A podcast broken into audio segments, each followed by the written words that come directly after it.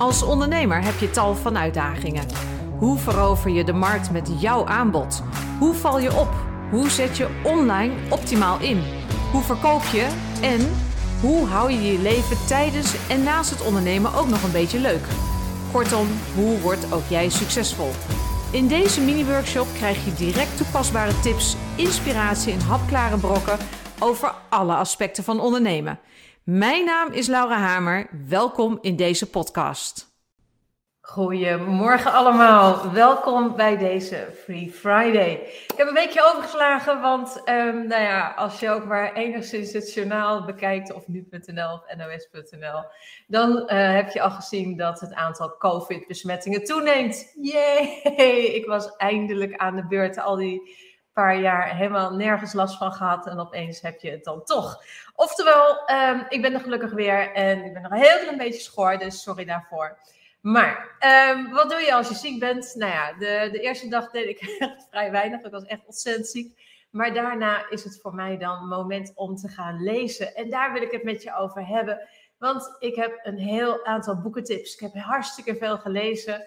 Um, nieuwe boeken, boeken die ik nog niet eerder had aangeraakt. Ik heb ook uh, weer eens een boek erbij gehaald waarvan ik dacht: God, wat zou er eigenlijk ook alweer in staan? Want ik lees ontzettend veel. En dat is ook wat ik je aanraad. Lees ik nou mijn hele leven al heel erg veel? Nee, zeker niet. Als je mijn verhaal zou horen over de middelbare school, hoe ik mijn boekenlijst heb gedaan. Nou, dat was licht dramatisch. Ja, ik heb ze echt allemaal gelezen. Um, ik heb ze ongeveer een anderhalve week gelezen, want ik had er gezin in, ik stelde het uit. En uh, ja, dan komt toch dat moment van het mondeling dichterbij en dan ben je gewoon aan de beurt. Dus ik op mijn fietsje door de toenmalige woonplaats Zoetermeer heen, alle bibliotheken af en uh, al die boeken gevonden. Had ik zo'n enorme toren en ik las er twee per dag. Kan dat? Ja, dat kan. Want je leert jezelf dan gewoon snel lezen aan. En dat gaat echt razendsnel. Weet ik nog precies wat er in die boeken stond? Nee, echt helemaal niet. Ja, een paar boeken wel hoor, maar um, dat is ondertussen ook echt wel weer een tijdje geleden. Lees ik nog steeds op dezelfde manier? Nee, zeker niet. Ik lees tegenwoordig voor mijn plezier. En jaren geleden ben ik begonnen aan een soort van leeslijst. Want toen werd het ook aangeraden door een van de coaches waar ik door begeleid werd. Die zei: Jongens, jullie moeten gewoon heel veel lezen, want daar doe je ideeën uit op. En toen dacht ik: Ja, zeg, weet je hoe druk ik het heb? Uh, ik heb een gezin, ik heb een onderneming en dan moet ik ook nog boeken gaan lezen. Doe normaal, joh.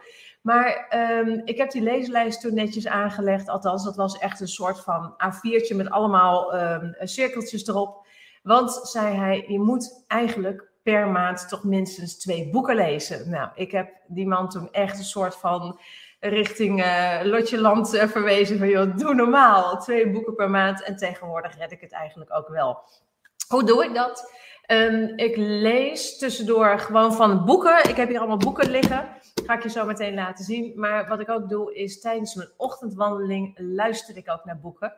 En het is niet zelden dat als ik dat echt een gaaf boek vind, dat ik hem ook aanschaf en um, erbij dus meelees. Dus dan kom ik terug van die wandeling en dan uh, ga ik daarna nog even gauw wat aantekeningen maken. Zodat datgene wat ik gelezen heb ook echt gewoon blijft hangen. Dat ik daar ook echt mijn lessons learned uit haal.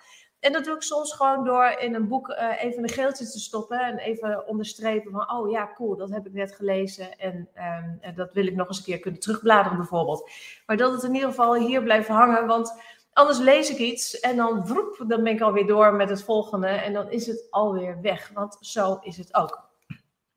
Moet je altijd boeken lezen voor de business? Nee, zeker niet. Althans, zou ik je niet willen aanraden.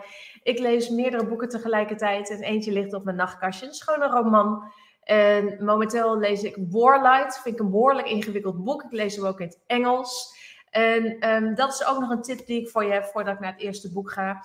Heel veel echt goede businessboeken zijn in het Engels geschreven. En in het begin, misschien denk je wel van ja, Engels lezen, dat lukt mij niet, dat gaat niet.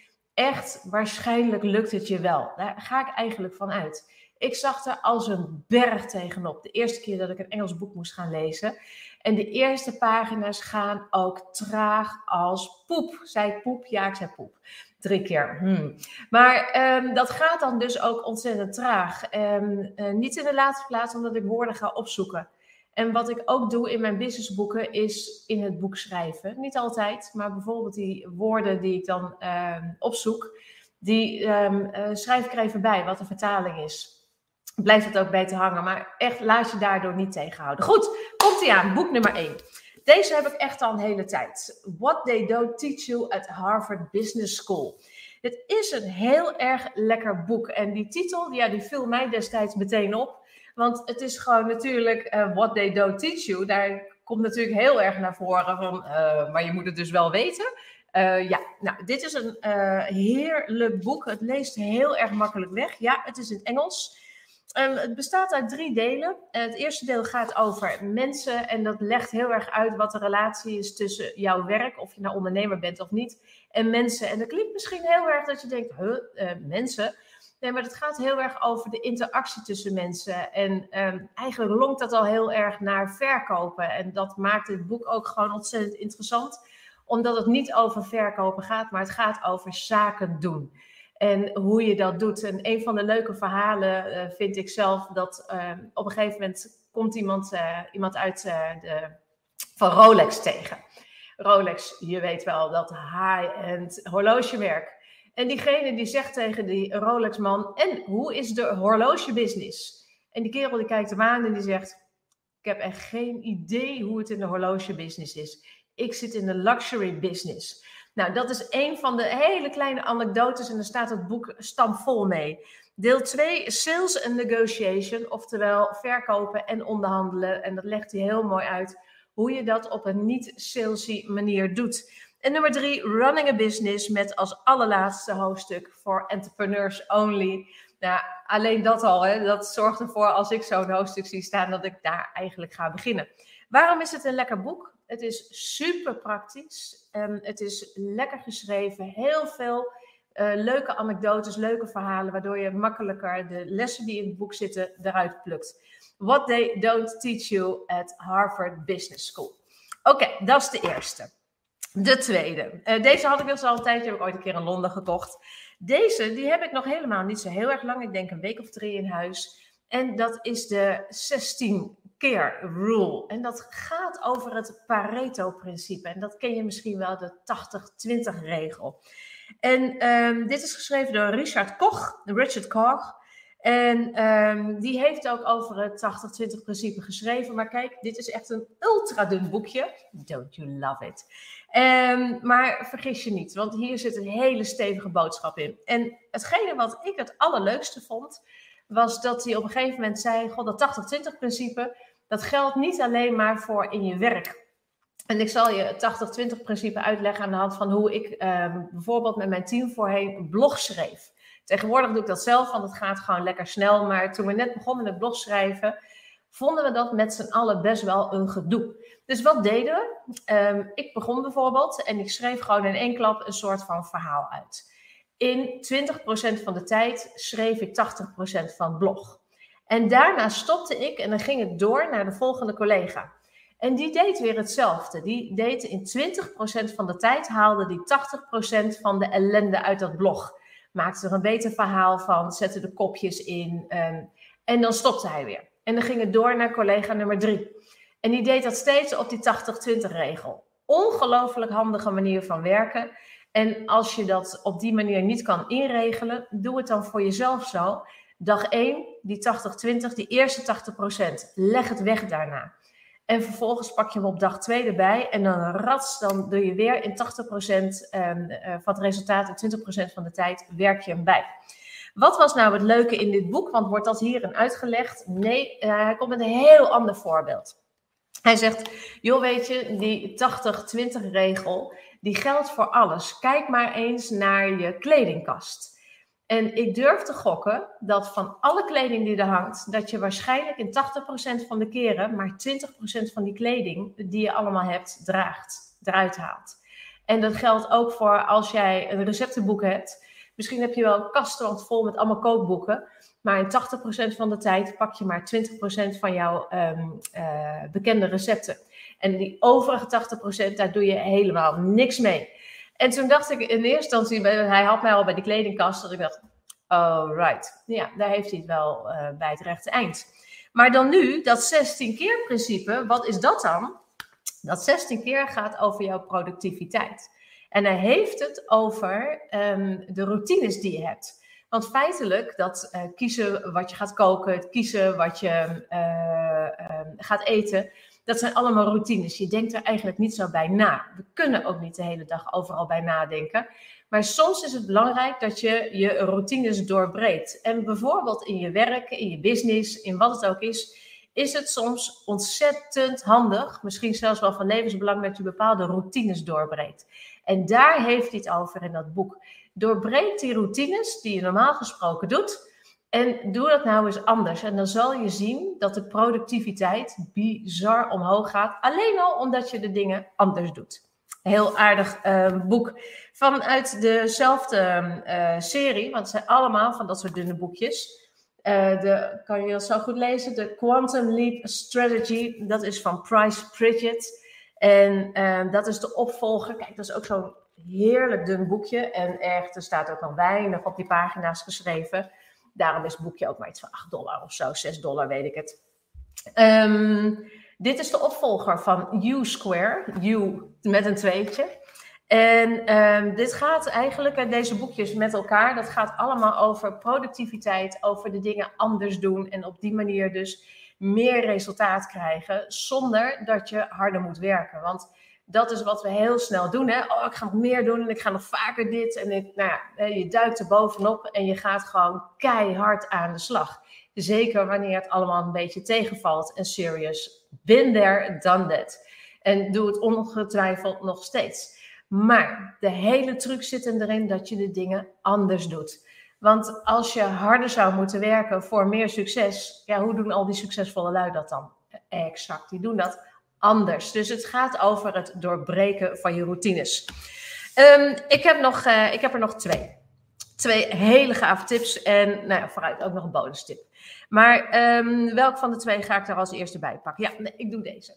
Dit is een hele leuke. Dit is een tip die ik kreeg. En um, het ook weer een dun boekje. Er zit, uh, het moet wel mee kunnen op vakantie. Hè? Er moet wel een beetje ruimte in je koffer worden gemaakt. Maar dit is een heel grappig boekje. Exactly What to Say, The Magic Words for Influence and Impact. En het gaat heel erg over um, wat zijn nou die precieze woorden die je moet zeggen om te zorgen dat iemand aan het nadenken raakt. En heel veel ondernemers, en jij waarschijnlijk ook, je bent een expert in datgene wat je kan, wat je doet en waar je passie voor hebt. En op het moment dat je expert bent, dan ben je heel erg geneigd om de diepte in te duiken. En ook het moment dat je bijvoorbeeld iemand misschien wel moet proberen uh, aan jouw kant te krijgen, oftewel jouw diensten of producten wil verkopen. Dat is het moment dat je uit de expertrol moet en moet gaan zorgen dat je met dit soort woorden aankomt. Oftewel, een lekker dun boekje en um, allemaal uh, voorbeeldjes. Ook weer heel weinig teksten op de pagina's. Gewoon een heel lekker boekje. Um, exactly what to say. Um, ik weet niet hoeveel mensen we hebben staan, maar heel veel mensen hebben dit boekje staan. Oké, de afsluiter. ja, dit is een, uh, een bijzonder boek. Uh, ik kan hem echt aanraden. The Machine. En je ziet het hier al staan in de band van Booking.com. De Machine, dit is een Nederlands boek. Het is geschreven door drie journalisten van het NRC. En um, die hebben bedacht, weet je wat we doen? We gaan dat Booking.com, dat Amsterdamse bedrijf, dat gaan we gewoon eens helemaal uitspitten. Hoe is het zo gekomen? Waarom zijn ze zo makkelijk gegroeid? Is dat wel zo makkelijk?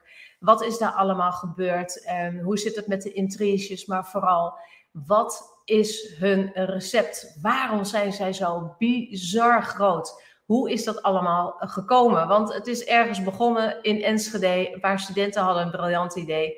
En ondertussen is het een bedrijf wat niet meer weg te denken is. Silicon Valley waardig, maar gewoon een Amsterdamse tent.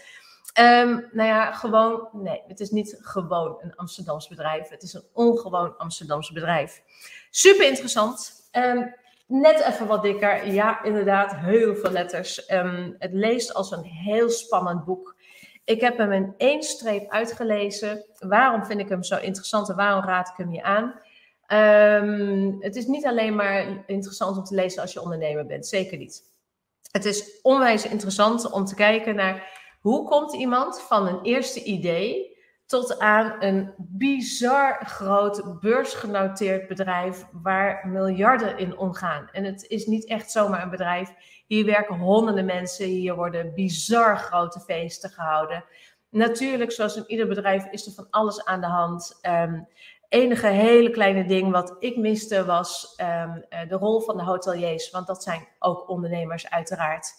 En uh, daar wordt wel even heel kort aangetipt. Maar voor de rest gaat het heel erg over hoe doe je dat zo'n bedrijf leiden? Hoe doe je dat van een eerste idee naar een groter idee, naar opschalen, naar uh, van groot naar grootst eigenlijk.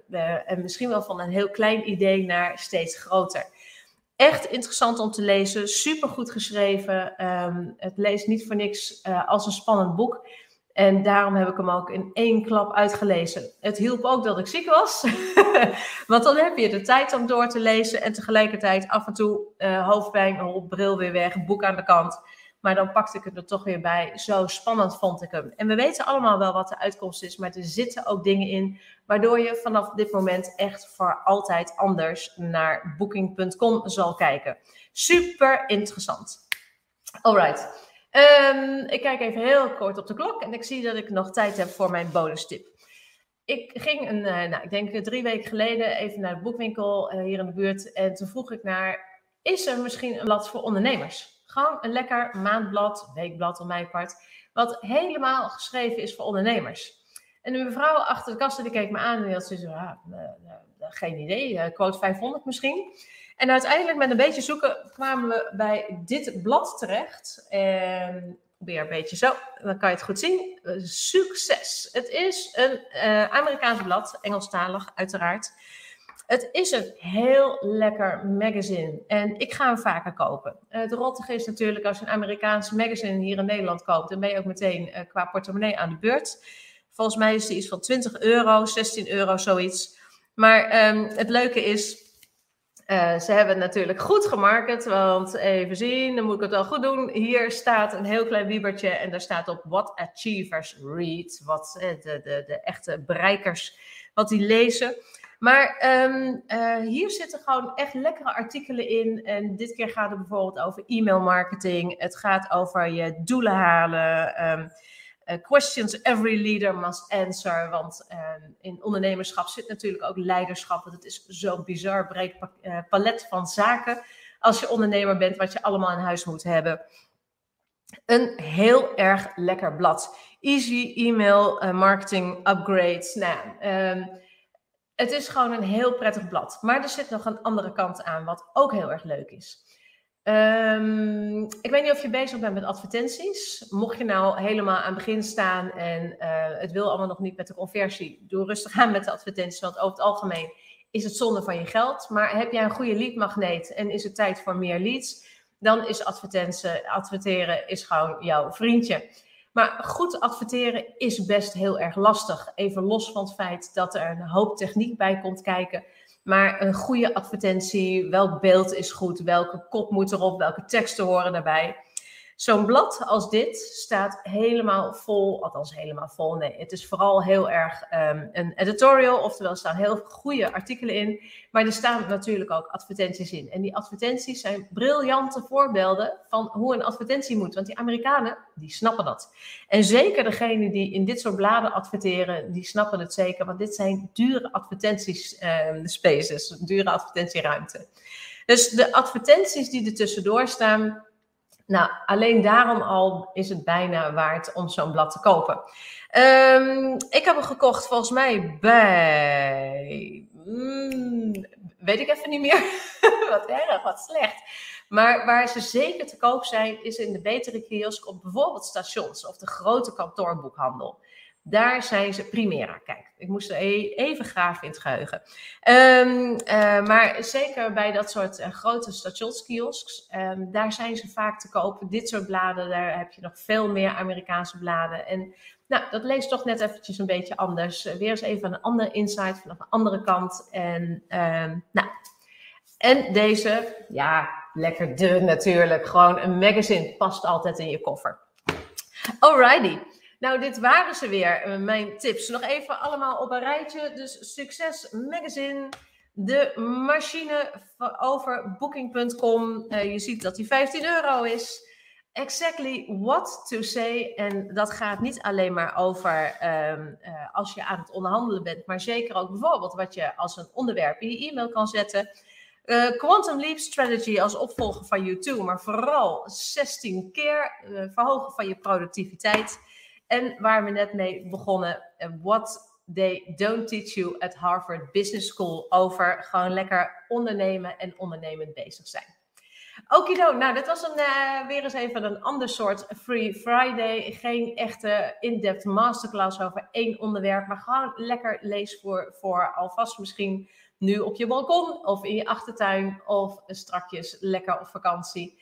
Um, wij gaan nog een paar weken door met Free Friday en ik hoop je volgende week weer te zien. Wens je een prachtig, schitterend weekend. Zon overgoten volgens mij. En uh, tot volgende week. Tot dan. Doeg!